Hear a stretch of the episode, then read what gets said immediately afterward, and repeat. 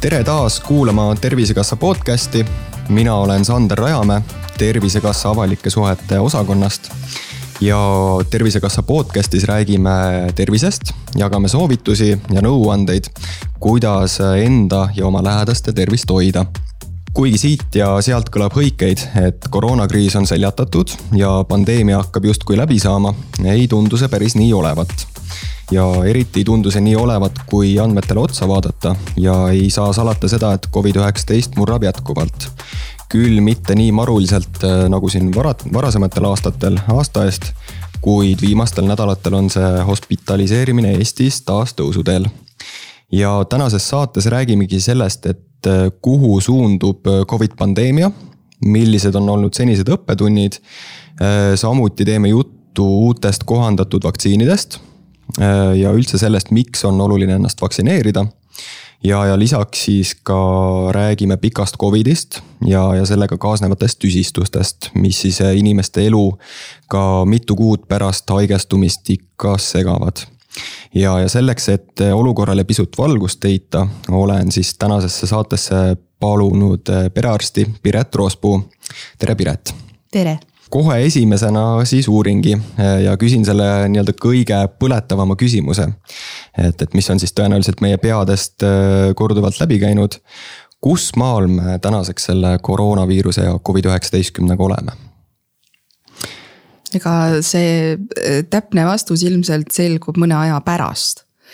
et need tagantjärele hinnangud on ju alati kõige täpsemad ja, ja just äh, hiljaaegu kuulasin äh, ühte arvamust selle kohta, et kuidas pandeemiad lõpevad. et äh, tavaliselt see, millal pandeemia lõppes, selgub ka tagantjärele, et, et on haiguse mõttes lõppemine, kui on mõnda aega vaikne olnud ja siis juba enam nagu midagi aktiivset ei toimu ja siis tagantjärele vaadates saab öelda, et noh. et see seal oli viimane aktiivne laine ja ja siis sellest saati meil nagu pole enam väga suuri probleeme olnud. aga on ka sotsiaalne lõppemine, kui inimesed lihtsalt tüdinevad ära ja ei viitsi enam sellega tegeleda, olenemata sellest, mis nagu ümbruses toimub. või, või meil oli väga pidulik pandeemia lõppemine ka, kui Ameerika Ühendriikide president lihtsalt, lihtsalt telesaates teatas, et pandeemia on läbi. kuigi Maailma Terviseorganisatsioon sellega praegu veel päris nagu samal, samas, samas paadis ei ole. just täpselt, et see on ka põhjus, miks ma, miks ma seda teilt uurin, et, et kas see Covid-19 teist nüüd teie arvates on siis äh, nagu iga teine viirus või on selleks ikkagi veel liiga vara? kindlasti ta praegu veel on ikka täiesti erinev loom sellest, mida me varasemalt tunneme. et äh, koroonaviiruse nakkus ise küll on äh, enamiku inimeste jaoks muutunud suhteliselt äh, noh, mitte nii erakordseks, eks ju. kuna meil on ühiskonnas väga märkimisväärne äh, ütleme nagu immuunsuse kate või immuunsuse sein, mis meid selle viiruse raskete vormide eest väga paljusid inimesi kaitseb, et. suurem osa inimestest on ju vaktsineeritud, suurem osa mitu korda vaktsineeritud. ja on, on hulk neid, kes on põdenud, mitu korda põdenud, kes on vaktsineerinud, põdenud, see, see, kuidas kellelgi immuunsus üles ehitatud on, on praegu juba väga-väga varieeruv ja, ja, ja suuremal osal inimestest on mingisugune kokkupuude selle viiruse või selle viiruse juppidega olemas. et see hoiab väga paljude jaoks selle rasked haigusjuhud eemal. küll aga me näeme seda, et on teatud hulk inimesi, kes on just vanemaealised, põdura tervisega. kelle kaitsmine on meile jätkuvalt väga-väga suur väljakutse ka siis, kui nad on teinud, ütleme oma kehvasti immuunsusest lähtuvalt esmase vaktsineerimise kolme doosiga. ja on teinud tõhustusdoosi ja on teinud tõh teise tõhustusdoosi.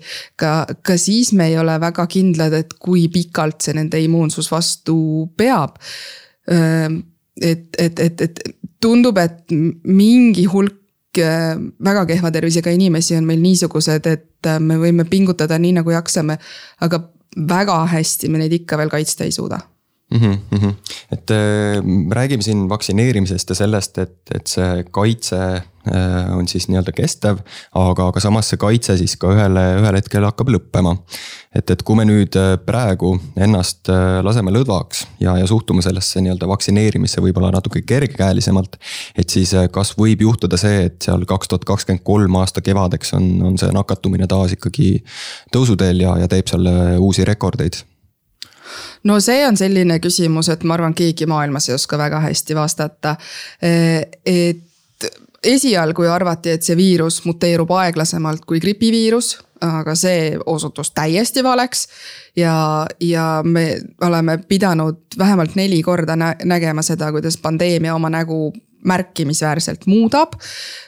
kuidas kõik viisid, kuidas me üritame ennast kaitsta oma tähtsust ütleme siis ka noh, see tähtsus muutub ajas, eks ju, et esialgu, kui vaktsiinid tulid, nad andsid ülihea kaitse. Ähm, ja see kaitse ajapikku käib alla ja see kaitse iga uue variandi ilmnemisega ähm, väheneb kohe märkimisväärselt. sellest hoolimata, mm, mis edasi saab? kas see viirus jätkab muteerumist samas tempos? Teadlased arvavad, et see viirus oma, ütleme, evolutsioonilist potentsiaali ehk siis nagu seda võimalust, kui palju ta saab muutuda, ei ole veel lõpuni ära kasutanud. ehk siis pole nagu väga palju põhjust, miks ta ei peaks mingeid uusi põnevaid äh, kive meile kodaratesse viskama selge, aga, aga kui me nüüd võrdleme võib-olla seda kahekümne teist aastat äh, eelmise aastaga, kaks tuhat kakskümmend üks aastaga, et, et äh, sihuke võib-olla üldine immuunsus inimeste seas. kas te näete enda nimistu patsientide peal seda, et, et inimeste selline immuunsus selle Covid-19 vastu on ikkagi märgatavalt tõusnud. või, või käib see immuunsus niimoodi üles-alla, et, et see immuunsus ühel hetkel saavutatakse ja siis mõne kuu pärast ikkagi see immuunsus kukub kolinal. kas on tekkinud selline noh, üldine immuunsus äh, selles mõttes, et, et ta on stabiilne ja ühel hetkel enam ennast vaktsineerima ei pea ma ei julge seda öelda, et kui me vaatame kaks tuhat kakskümmend üks algust, siis meil vaktsiinid alles olid äh, ju noh, esimesed meedikud olid vaktsineeritud ja meil nagu ühiskondlikku kaitsekihti tegelikult ju ei olnud, eks ju. Ähm, oli Inglismaa variant, see alfa ja, ja, ja noh, selles mõttes ikkagi see viirus oli väga tõsine probleem kaks tuhat kakskümmend üks suve lõpuks oli suur osa elanikkonnast vaktsineeritud ja deltat veel ei olnud ilmunud, ehk siis selles hetkes me olime nagu väga-väga lootusrikkad, et kohe-kohe kohe-kohe me seljatame selle, me saame, meil on nii paljud inimesed kaitstud, noh, ei tea, koolid tulevad lahti, no võib-olla tuleb mingi nakatumiste tõus, lapsi ju siis veel ei saanud vaktsineerida. aga tundus selline kõik nagu noh, tehtav, eks ju. noh, siis tuli sinna võrrandisse delta, mis kahe doosi immuunsusest pani nagu, nagu noh, soe nuga läbi võipaki, eks ju. tuli, tulid kolmandad doosid vajalikuks. kolmandate doosidega saime väga hästi kaitstud ka need, kes olid riskigrupid, eks ju ja siis tuli omikron et kogu aeg me saame ühe sammu ja see viirus paneb meist ühe sammu ette ja see omikron tegi hiigellaine. Õnneks see aasta alguse esimene omikron tekitas võrdlemisi leebet haigust ka nendel, kes ei olnud vaktsineeritud ja tuli viies omikron, mis tekitas esimesega võrreldes raskemat haigust ja, ja neljandad doosid juba on vajalikud, eks ju, et meil käib pidev see võidujooks mm, -hmm. kus viirus kogu aeg on ühe sammu meist ees. et väga palju mõeldakse ka sellele, kuidas me sellele viirusele nagu noh, kuidas me saame ise ette, kuidas me ise võidumeesteks saame. on arvatud, et ninasprei vaktsiinid võiksid need olla, mis tekitavad seda limaskestade immuunsust, et see viirus ninast kaugemale ei pääseks. sest kõik see veres ringlevad antikehad ja immuunrakud, nende käivitumine võtab nagu kauem aega. et selleks hetkeks juba on see viirus ninast edasi jõudnud aga et limaskestade, ütleme ninasprei vaktsiin oleks üks võimalus.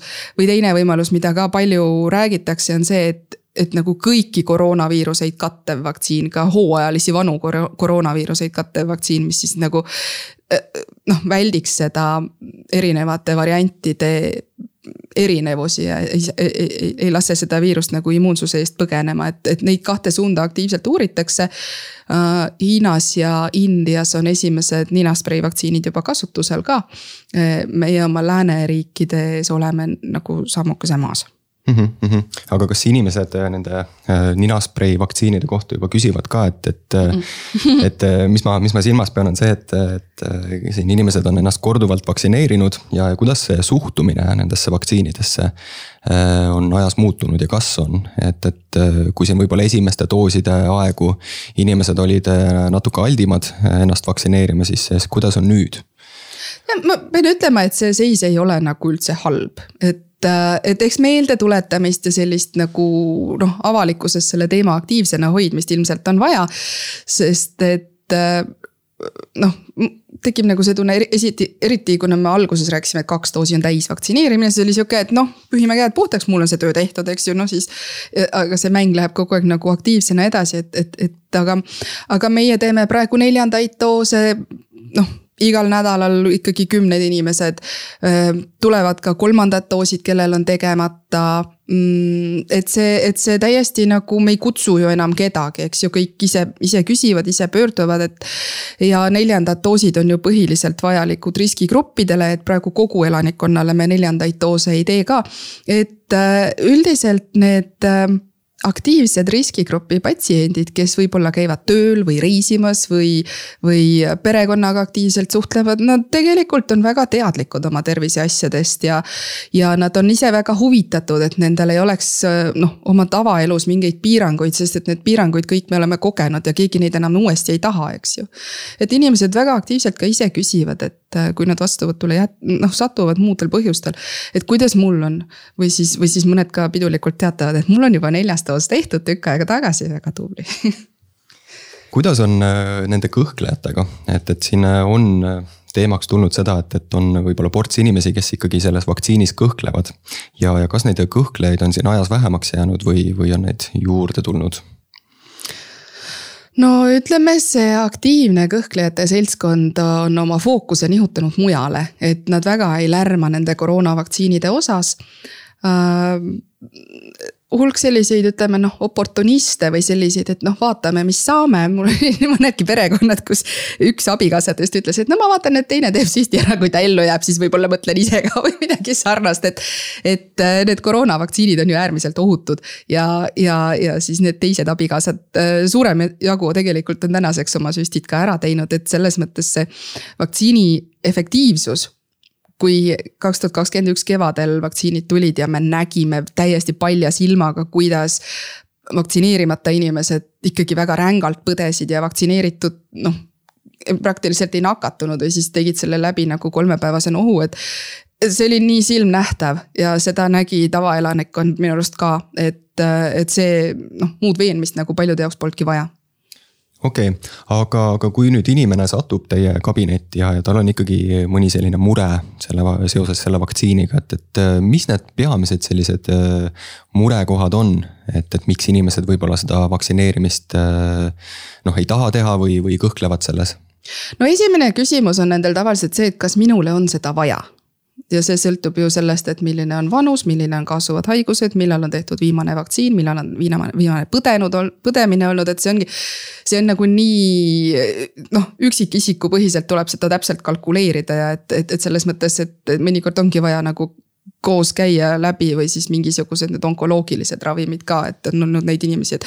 kui mul on selline rohi, et kuidas minul nüüd on, et ma tegelikult võib-olla tahaks teha, aga ma ei tea, kas minu ravidega võib et see on väga, osadel ongi väga keeruliseks läinud see arvutamine juba praeguseks. ja teine küsimus on see, et kuidas nende kõrvaltoimetega on ja noh, ütleme igapäevatöös peab ütlema, et neljandate dooside kõrvaltoimeid on vähem kui teiste dooside kõrvaltoimeid oli, eriti kes tegid seda mRNA vaktsiini.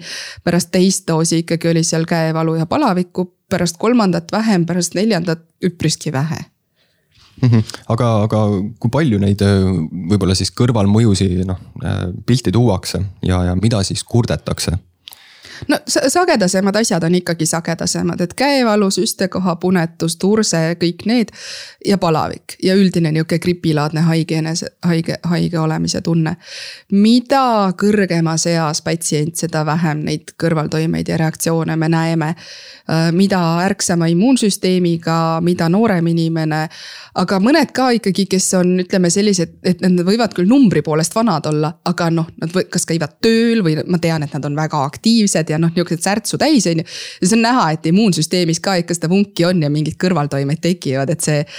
et äh, see bioloogiline vanus ikkagi päris palju mängib seal ka rolli, et kas kõrvaltoimeid tekib või mitte mm. -hmm. aga, aga need nii-öelda siuksed haruldasemad ja, ja võib-olla tõsisemad kõrvaltoimed, et kas neid on ka ette tulnud? no vaata, need on haruldased, eks ju, et kui on, ütleme mingid suuremad koolitused, kus on mitmeid perearste koos, kes on juba nagu noh, kelle kamba peale kokku on ikkagi nagu tuhandeid vaktsineerituid juba, eks ju.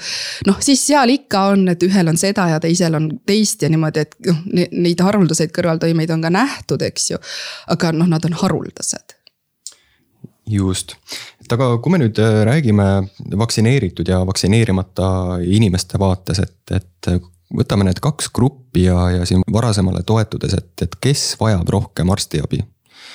Et... vaktsineerimata inimesed kindlasti, kindlasti, siin ei ole mingit küsimustki.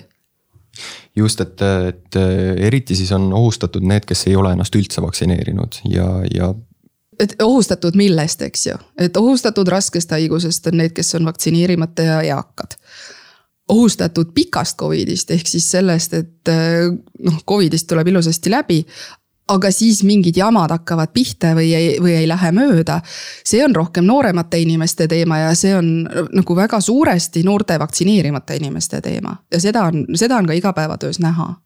selge, aga, aga nüüd nende kroonilised haiged, et et teatud haiguste puhul on siis Covidisse haigestumine eriti ohtlik, kas te äkki saate tuua mõne näite, et, et milliste haiguste puhul siis äh, inimesel on noh, tõesti tõesti ohtlik sellesse viirusesse haigestuda mm -hmm.? noh, domineerivalt südame-veresoonkonna haigused, äh, läbipõetud infarkt, läbipõetud insult, äh, südame rütmihäired, südame puudulikkus, südame iseemiatõbi ehk siis ateroskleroos ehk siis arterite lupjumine, eks ju.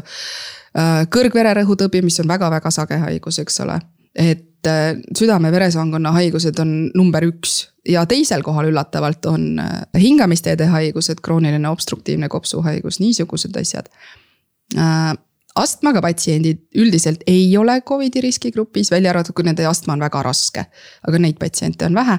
astma on väga huvitav, et ta nagu Covidi riski, raske Covidi riski ei tõsta, kuigi raske gripi riski tõstab, et selles mõttes mingi erinevus nendel haigustel ikkagi on ja närvisüsteemi haigused ka, mis on nagu täiesti ebaloogiline. aga igasugused Alžeimeri tõbi, Parkinsoni haigus, need mingisugused autoimmuunsed närvisüsteemi haigused, hulgiskleroos äh,. närvisüsteemi haigustega patsiendid ka on Covidi raskest kulust rohkem ohustatud ja, ja nende haiguste puhul me siis räägime ikkagi reaalsest ohust, et inimene võib sattuda haiglasse.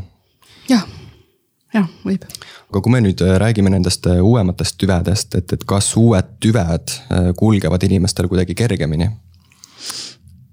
on üks väga populaarne ähm, müüt, et viirustel on evolutsiooniline surve muteeruda kiiremini levivaks ja kergemat haigust tekitavaks. Tõele vastab sellest ainult esimene pool. et viirusel on eluline ülesanne paljuneda ja iga hinna eest paljuneda ja viirust üldse ei huvita, mis saab tema peremehest ehk siis sellest inimesest või loomast, keda viirus nakatab. pärast seda, kui viirus on saanud selle keha sees paljuneda, ehk siis kui viirus on juba haiguse varases järgus suutnud ise paljuneda ja teisi inimesi või teisi loomi väga palju nakatada, siis on tal täiesti ükskõik, kas see inimene või loom hiljem sureb ära või mitte, täiesti nagu mingit vahet pole. sest et viirus on saanud juba leidnud uued ohvrid. et seda me näeme ka selle koroonaviiruse puhul äh, Hiina originaalvariandiga võrreldes see esimene Inglismaa alfa oli suhteliselt sama raskust, aga natuke paremini leviv. Delta levis veel paremini ja vältis olemasolevat immuunkaitset, aga tekitas palju raskemat haigust. Omikron üks, mis meil oli jaanuaris, tekitas kergemat haigust ja vältis immuunsust väga hästi ja levis kiiremini omikron viis, mis meil praegu on, levib veel kiiremini, väldib immuunsust veel paremini, aga tegelikult tekitab tõenäoliselt natukene raskemat haigust kui see omikron üks, mis oli aasta alguses.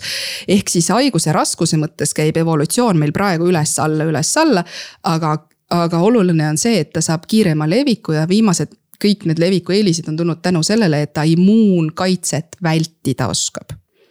selge et aga, aga kuigi me oleme siin viirusega äh, võidujooksus sammu võrra maas, et, et siiski meil on äh, nüüd Eestisse jõudnud ka uued vaktsiinid, täpsemini siis äh, äh, esimesed omikron tüvele kohandatud vaktsiinid ja, ja järk-järgult hakkavad need jõudma ka vaktsineerimispunktidesse üle Eesti.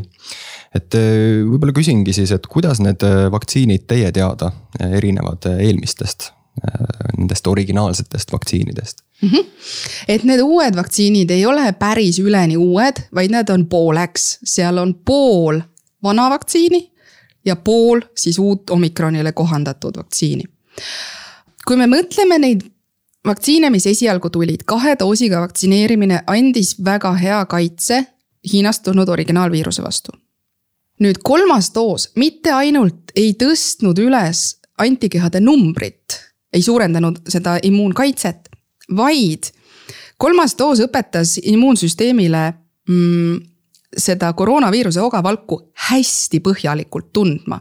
et tekkisid selle ogavalgu erinevate piirkondade vastu erinevamad antikehad kui selle esimese kahe doosiga. ja sellepärast kolmas doos äh, andis parema kaitse ka koroonaviiruse alfa, delta mis need vahepealsed veel olid, beeta, mingid need ähm, äh, müü ja seal oli veel rida mingeid variante, mida noh, millest me ei ole nagu avalikult rääkinud, aga tegelikult on ju tal neid viiruse variante veel muid. ja, ja see kolmas doos mitte puhtalt ei teinud nagu kõvemat kaitset selle Hiina variandi vastu, vaid ta laiendas seda immuunkaitset nende teiste variantide vastu ka, ta õpetas immuunsüsteemi nagu laiemalt või, või nagu, nagu paremini tundma seda viirust ja neid erinevaid variante ära tundma neljandas vaktsiinis või selles, nendes uutes kohandatud vaktsiinides ongi pool vaktsiinist on seesama vana vaktsiin, mis jälle uuendab seda laiendatud kaitsespektrit, aga seal ei ole hästi kaetud omikron. sellepärast on sinna pandud kas omikron üks või omikron viis äh, ogavalk, mis toob juurde selle kaitse laienemise omikroni erinevate variantide vastu. ehk siis tegelikult, kui see neljas doos on tehtud originaalvaktsiiniga, see pole üldse halb variant. Ta, see, see kaitse nende omikroni variantide vastu on natukene kehvem, kui ta oleks uute kohandatud vaktsiinidega, aga ta ei ole olematu ja ta ei ole ka väike. ehk siis selle, ütleme, kellele on see neljas doos näidustatud, vanuse või tervisliku seisundi koha pealt. lihtsalt on tähtis see neljas doos ära teha ja, ja vaktsiiniga, mida on võimalik saada, on ta originaalvaktsiin, on ta omikron üks või on ta omikron viis. Lihtsalt neljas doos selleks, et uuesti immuunsüsteemile meelde tuletada. Äh, see on kõige tähtsam. Äh, ja nendes uutes vaktsiinides on jah, kas omikron üks või omikron viis. praegu meil on ringluses omikron viis, nii et kui ma nagu ütleme, kui mul ei oleks kiire Äh, näiteks, et ma põdesin koroonat mingi juulis või augustis ja mul on aega praegu veel mõned kuud mõelda. noh, siis ma praeguste teadmiste kohaselt valiksin omikron viie. Ja kui ma ütleme möödunud aasta sügisel sain kolmanda doosi ja vahepeal ei oleks üldse põdenud, eks ju. siis mul tegelikult oleks vaja ikkagi see immuunkaitse nagu aktiveerida, uuesti meelde tuletada ja mis iganes vaktsiiniga see nagu teine tõhustusdoos ära teha just selgelt, tahtsingi küsida seda, et, et keda uute vaktsiinidega, siis nende kahevalentsete vaktsiinidega vaktsineerite, et kas need on need äh, riskirühmadesse kuuluvad eakad ja, ja kroonilised haiged või, või siis ühel hetkel hakkavad neid äh, nii-öelda kahevalentseid vaktsiine saama ka need, kes riskirühmadesse ei kuulu? no minu arust seal piiranguid nagu pole seatud, eks ju, et, et neljanda doosi on näidust- või no ütleme, teine tõhustusdoos, eks ju. on näidustatud nendele, kes on äh, vanemaealised või kellel on need haigused, et nad kuuluvad riskirühmadesse aga tegelikult nad ei ole ka keelatud, kes, kes elavad aktiivset elu. kes ei taha selle nakkuse pärast, ütleme, oma tavaelust maha jääda. või kes kardavad pika koroona või see pika Covidi tüsistusi täiesti, täiesti põhjendatud kartus minu arvates, et, et meil ei ole ju mingit piiri ees, et ei, sina ei saa. et kes tahavad, ütleme ka mitte riskirühma inimestest neljandat doosi teha omikronile kohandatud vaktsiiniga, see ei ole keelatud aga kas need seni kasutusel olnud vaktsiinid äh, on siis jätkuvalt tõhusad, saame seda väita? jah, jah, nad ju seda immuunkaitset hoiavad, nad, see immuunkaitse käib kuude jooksul maha. Et see antikehade tase langeb rakuline immuunsus küll püsib, aga rakulise immuunsuse käivitumine võtab aega mitu päeva. ja, ja, ja kellel on, ütleme just need riskitegurid või kehvem immuunsus, siis nendel tegelikult oleks vaja kogu aeg nagu äh, nihukest aktiivsena hoida seda kaitset äh,. aga, aga jah, et see, need vanad nii-öelda originaalvaktsiinid äh, kolmanda ja neljanda doosiga annavad ikkagi väga laia kaitsespektri koroonaviiruse erinevate variantide vastu. ja need omikronile kohandatud vaktsiinid toovad sinna kõrvale selle kaitse lihtsalt nende omikroni variantide vastu mm. -hmm. kui me nüüd räägime sellest äh, kurikuulsast pikast Covidist, võib-olla sihuke hästi üldine küsimus, et mis see pikk Covid tähendab? no pikk Covid tähendab seda, et kui on koroonaviirus olnud äh, ja siis kas koroona sümptomid ei lähe üle või juba nagu inimene sai terveks ja siis hakkab mingi jama pihta ja kokkuleppelisi piire on erinevaid, aga ütleme Eestis me oleme kokkuleppeliseks piiriks võtnud kaksteist nädalat. ehk siis kolm kuud koroonasse haigestumisest, köha äh,, väsimus, mingi üldine kehv enesetunne võivad rahulikult olla kolm kuud. kui on üle kolme kuu, siis me hakkame rääkima, et tegemist on pika Covidiga just ja see ja see pikk Covid siis äh, sümptomite või, või siis nende kaebuste vaates, et, et äh, mida inimesed äh, kurdavad, et, et äh, mis vaevusi see pikk Covid siis inimestele tekitab? see on väga-väga varieeruv. üks sagedasemaid, mis inimesi õudselt häirib, on see kuiv köha. aga see tavaliselt läheb mööda, mul ei ole kedagi, kes köhiks, ma ei tea, aasta ja kauem küll aga on mul hulgaliselt inimesi, kes on väsinud aasta või kauem, kellel rändavad liigesevalud aasta või kauem, kellel on aju niisugune nagu ei tee koostööd või, või, või mõtlemine on sihuke uimane ja aeglane või ütleme, keerukamad tegevused nagu reisiks pakkimine, reisipiletite ostmine poe nimekirja, ütleme kogu see protsess, ütleme nädala menüü koostamine, poe nimekirja koostamine, selle asja elluviimine, kõik sellised nagu mit-, mitmeosalised tegevused on keerulised mõned kirjeldavad isegi seda, et nad ei suuda PIN-koodi kirjutada, sest et vaat-, vaatad selle paberi pealt maha ja selleks hetkeks, kui pead toksima hakkama, on juba meelest läinud, et, et mõnikord see esialgu võib päris ränk olla. ja, ja rääkimata siis veel töö tegemisest, et. no just. et aga, aga ikkagi inimesed vist selle pika Covidi sümptomitega tööle, tööle ikkagi lähevad, sest et noh, elu ja. ei saa seisma jääda. et aga, aga, aga võib-olla oma siis patsientide põhjalt, et, et kui palju seda, neid pika Covidi sümptomeid üldse esineb või? seda on päris raske öelda, sest et äh, on teatav hulk inimesi, kes tulevad vastuvõtule tõesti nende kaebustega, et köha ei lähe mööda või et äh, rinnus on valu või et ei jaksa enam midagi väga teha. aga on hoopis suurem hulk inimesi, kes tulevad näiteks noh, tavalist seda, mis pereõed kutsuvad äh, vererõhuhaigeid, et tule tee oma veresuhkru ja kolesterooli analüüse ja noh, vaatame sul mingi üldtervise ka üle. ja siis muuhulgas ütlevad, et oh, ma põdesin mingi, ma ei tea, märtsis seda koroonat ja ma siiamaani ei ole nagu liigesevaludest lahti saanud või et mul siiamaani äh, nagu jõudu pole siis, siis noh, polegi midagi, ütled, et noh, jah ma tean, et nii võib olla aga, aga kas sellele pikal Covidil on ka sihuke vanuseline jaotumus, et, et vanemaealised võib-olla kurdavad rohkem nende sümptomite või, või murede käes? Mm -hmm. kirjanduse andmetel pigem on see naiste probleem ja pigem on see nooremate inimeste kuskil seal ütleme kahekümnendad, kolmekümnendad, neljakümnendad. ja eraldi riskigrupp on need, kellel on eelnevalt kroonilised haigused, ehk siis, ehk siis tegelikult mulle tundub, et riskigrupp on nagu kogu elanikkond. tundub silma järgi küll, et naisi on rohkem nende hulgas, kes, kes selle koroonatüsistustega kimpu jäävad või nende pika Covidi mm -hmm. kaebustega, aga, aga neid kaebusi on hästi-hästi palju ja, erinevaid palett on vist hästi-hästi nagu sihuke kirju. hästi kirju. ja et meie siin äh, Tervisekassa analüütika osakond on, on kokku pannud ka sellise pika Covidi analüüsi.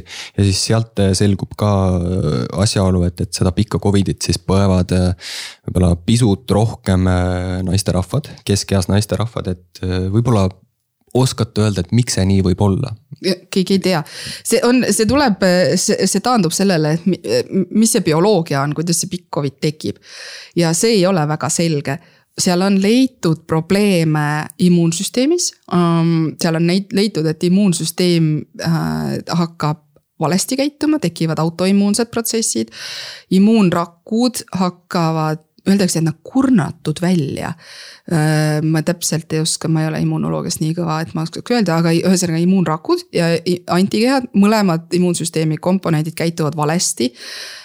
Ja käituvad ebaefektiivselt et immuunsüsteemi mingite parameetrite mõõtmisega on täiesti niiviisi tehtud, et kui need andmed tehisintellektile ette anda.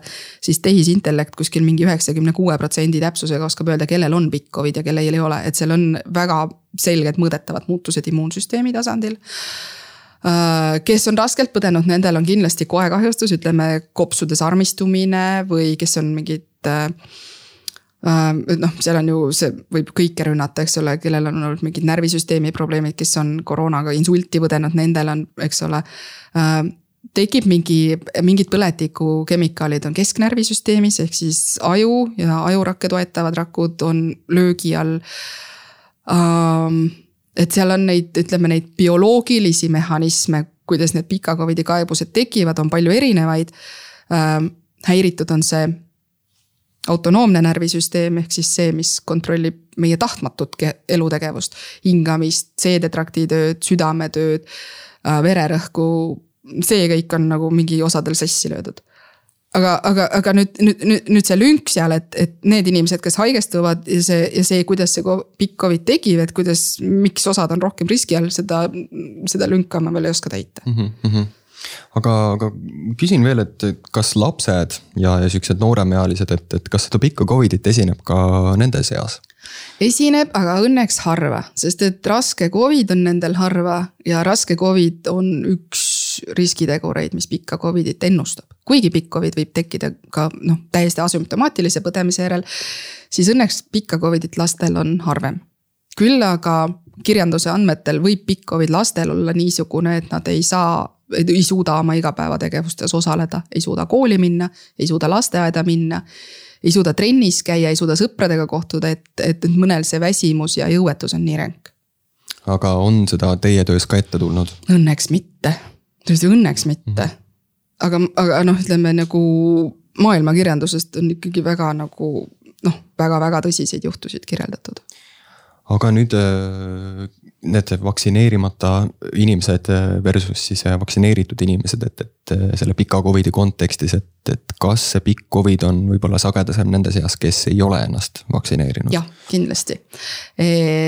nüüd just värskelt tuli üks suur analüüs, kus leiti, et vaktsineeritud inimestel on pika Covidi risk kuskil nelikümmend üks protsenti väiksem. ehk siis vaktsineerimine osaliselt kaitseb pika Covidi eest aga mitte täielikult mis on üks väga tugev argument, et isegi kui inimene on vaktsineeritud, siis sellegipoolest peaks ütleme tegevusi planeerima niimoodi, et umbses ruumis palju inimesi koos ei ole või kui on, siis on maskid ees. et, et nakatumise vältimine ikkagi tegelikult praegu on jätkuvalt oluline. just selle pika Covidi aspektist, sest et pika Covidi kohta praegu kõige rohkem, mida kirjutatakse, on see. mida pikk Covid teeb ajuga ja ja, ja jälle praegu just üks väga suur analüüs näitab, et kõik närvisüsteemi haigused seal loeti kokku ajuverejooksud, insuldid, migreen, krambid, ärevushäired, mis neid ajuhaigusi veel on um,. polüneuropaatia ehk siis nagu nende sõrmede ja varvaste närvide kahjustus. vähemalt kõik närvisüsteemi haigused, mida seal kokku loeti, kõiki oli uh, pika Covidi haigetel rohkem. või siis Covidi põdemise järgselt aasta jooksul rohkem ja seda nii lastel kui täiskasvanutel. et see Covid kuidagi seda aju äh,.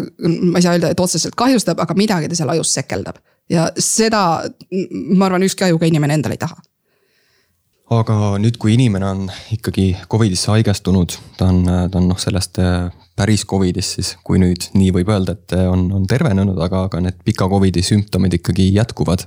et, et äh, võib-olla mõned nõuanded, et mida inimene peaks siis tegema, tegema ja mis aitab sellest pikast Covidist taastuda mm. -hmm. selle kohta meil on tehtud koos haigekassaga, eks ju, haigekassa kutsuski selle ellu äh,. pika Covidi juhend, õigemini on kaks juhendit, üks on arstidele ja üks on patsientidele ja see patsiendi juhend on saadaval nii haigekassa koduleheküljel kui Eesti Perearstide Seltsi koduleheküljel. Ja see, mida teha, sõltub sellest, et mis noh, mis kaebused on, eks ju, et väsimuse puhul number üks on see, et oma jõudu mitte ära kulutada üleni, vaid kõik tegevused planeerida nii, et väike jõuvaru jääb kogu aeg alles. ja siis, kui on nihuke tunne, et hakkab jõud otsa saama, äh, siis mitte edasi pingutada, vaid võtta väike paus. ja asju teha rahulikus tempos ja planeerida niiviisi, et äh, mitte, et nagu üks töö kõik lõpuni ära teha, vaid vahetada näiteks, et mingi istuv töö ja liikuv töö vaheldumisi või et mõttetöö ja kehaline töö vaheldumisi panna ja niimoodi väikeste portsudena. Äh, sest et kui ennast nagu päris väsinuks kulutada, siis see taastumine on nagu pikk. et pigem seda jõukulu äh, optimeerida ja mitte seda kogu jõudu korraga ära kulutada. köha puhul ma soovitan küll perearsti poole pöörduda, et äh, et äh, meil on seal üsna palju neid mingeid äh, sekundaarseid infektsioone nagu mingi kopsu, klamüüdia hoopis tuleb sinna pika Covidi või nagu veniva Covidi köha otsa. seda on üpris kerge vaevaga võrdne, noh võimalik leida ja võimalik aidata, on ju. Ähm, mis veel? Äh, sellised asjad nagu ütleme, pikal seismisel või püstiasendis tekkiv halb enesetunne pikale Covidile hästi iseloomulik, see on nüüd osa sellest düsautonoomiast või siis selle autonoom-, autonoomse närvisüsteemi häiretest. et kui äh, normaalselt on niimoodi, et kui inimene püsti tõuseb, siis tal natukene vererõhk tõuseb, sest et vastu maa külge tõmbejõudu on vaja nagu tugevama survega seda vererõhku äh, pumbata aga osadel pika Covidi haigetel tekib see, et lihtsalt tekib meeletu südame pekslemine ja siis tekib sellega koos nihuke halb enesetunne, peauimasus, nagu mingi virvendus silmade ees, äraminestamise tunne äh,. hingeldus, surinad sõrmeost, no nihuke hästi lihtsalt üldiselt väga-väga halb enesetunne äh,. seda on võimalik äh, natukene aidata elustiili võtetega, nagu näiteks, et vedelikku tarvitada ja soolaseid mingeid snäkke nagu näiteks oliive või mingit soolakala või soolakurki et äh, kogu see tegu, tegutsemine sõltub sellest, mis äh, noh, noh, mis probleemid inimesel on ja kuigi see pika Covidi patsiendiühend on hästi pikk ja tundub nagu meil oleks hullult häid vastuseid ja, ja täiega oskaksime aidata neid inimesi, siis tegelikult see nii ei ole. et nad on kõik sellised leevendavad. Äh, kõige rohkem ikkagi loodame, et aitab aeg ja vähehaaval nendel inimestel läheb paremaks, aga tegelikult praktikas ma näen, mul on, noh, mul on patsiente, kes ütleme pensioniealisena olid jumala triksis-traksis, käisid tööl. tegelesid oma mingite ägedate asjadega, pärast Covidit on täiesti kett maas töölt tulevad ära äh,, oma nende sõpruskondadega ei kohtu enam, sest et lihtsalt ei jaksa ja, ja, ja, ja ega need, need asjad, mis ma seal räägin need nagu mingit nagu märkimisväärset muutust ei too. ajapikku võib-olla vähehaaval tiksub paremaks, aga isegi lõpuks on raske aru saada, et kas see enesetunne läheb paremaks või nad lihtsalt harjuvad sellega, et tegelikult mhm, lihtsalt mhm. enam jõudu pole. aga, aga millised need väljavaated võiksid sellest äh, pikast äh, Covidist taastumisel olla, et, et kui inimene on seda nüüd äh, põdenud, tal on need sümptomid noh olnud pikka aega, et, et kas tal on ikkagi lootus ühel hetkel terveks saada? raske öelda täiesti võimatu öelda, mõnedel läheb paranemisega tõesti, õnneks praegu on neid kirjeldusi ka, kus mõned on olnud kaks aastat haiged ja nüüd hakkab ikkagi nagu selgelt parem. aga, aga on ka neid, kes on kaks aastat ja ikkagi nagu peaaegu et voodist välja ei saa, et see on väga varieeruv. tõenäoliselt suurem osa jäävad kuhugi sinna kahe vahepeale, et, et päris endine pole. aga noh, päris voodis ka ei ole aga nüüd siin lisaks Covidile hakkab, hakkab pead tõstma ka see gripp, et, et hooaeg on äh, käes või noh, hakkab jõudma. Äh, see hooaeg meieni, et, et äh, küsin veel, kas gripivaktsiini võib siis teha koos koroonavaktsiiniga samaaegselt mm? -hmm, jaa, võib küll, juba oleme teinud, juba eelmisel aastal ka oleme juba, oleme teinud. ja on, Modernal minu arust on juba ma ei tea, kui kaugel nad on, aga igatahes nad juba uurisid seda. et ühes süstis koos on koroona ja gripivaktsiin, et täiesti vabalt võib. et gripi vastu vaktsineerimine kindlasti, seda ei tohi unustada, kuigi meil mitu aastat ei ole grippi olnud.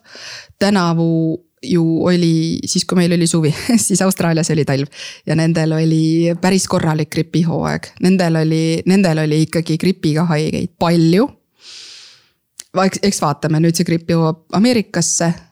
ja kuidas Ameerikad sellega toime tulevad ja kuidas, millises mahus ta meile jõuab, igal juhul on parem olla valmistunud kui mitte valmistunud. kes siis äh, ennast gripi vastu peaksid vaktsineerima?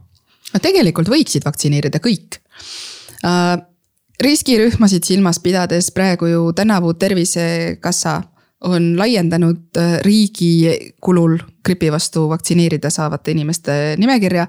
Ja sinna kuuluvad siis kõik üle kuuekümne aastased inimesed, äh, kõik äh, kuni seitsmeaastased lapsed ja suuremad lapsed, kellel on mingid need riskihaigused. ja siis need patsiendid, kes on üld- ja erihoolekandeteenusel.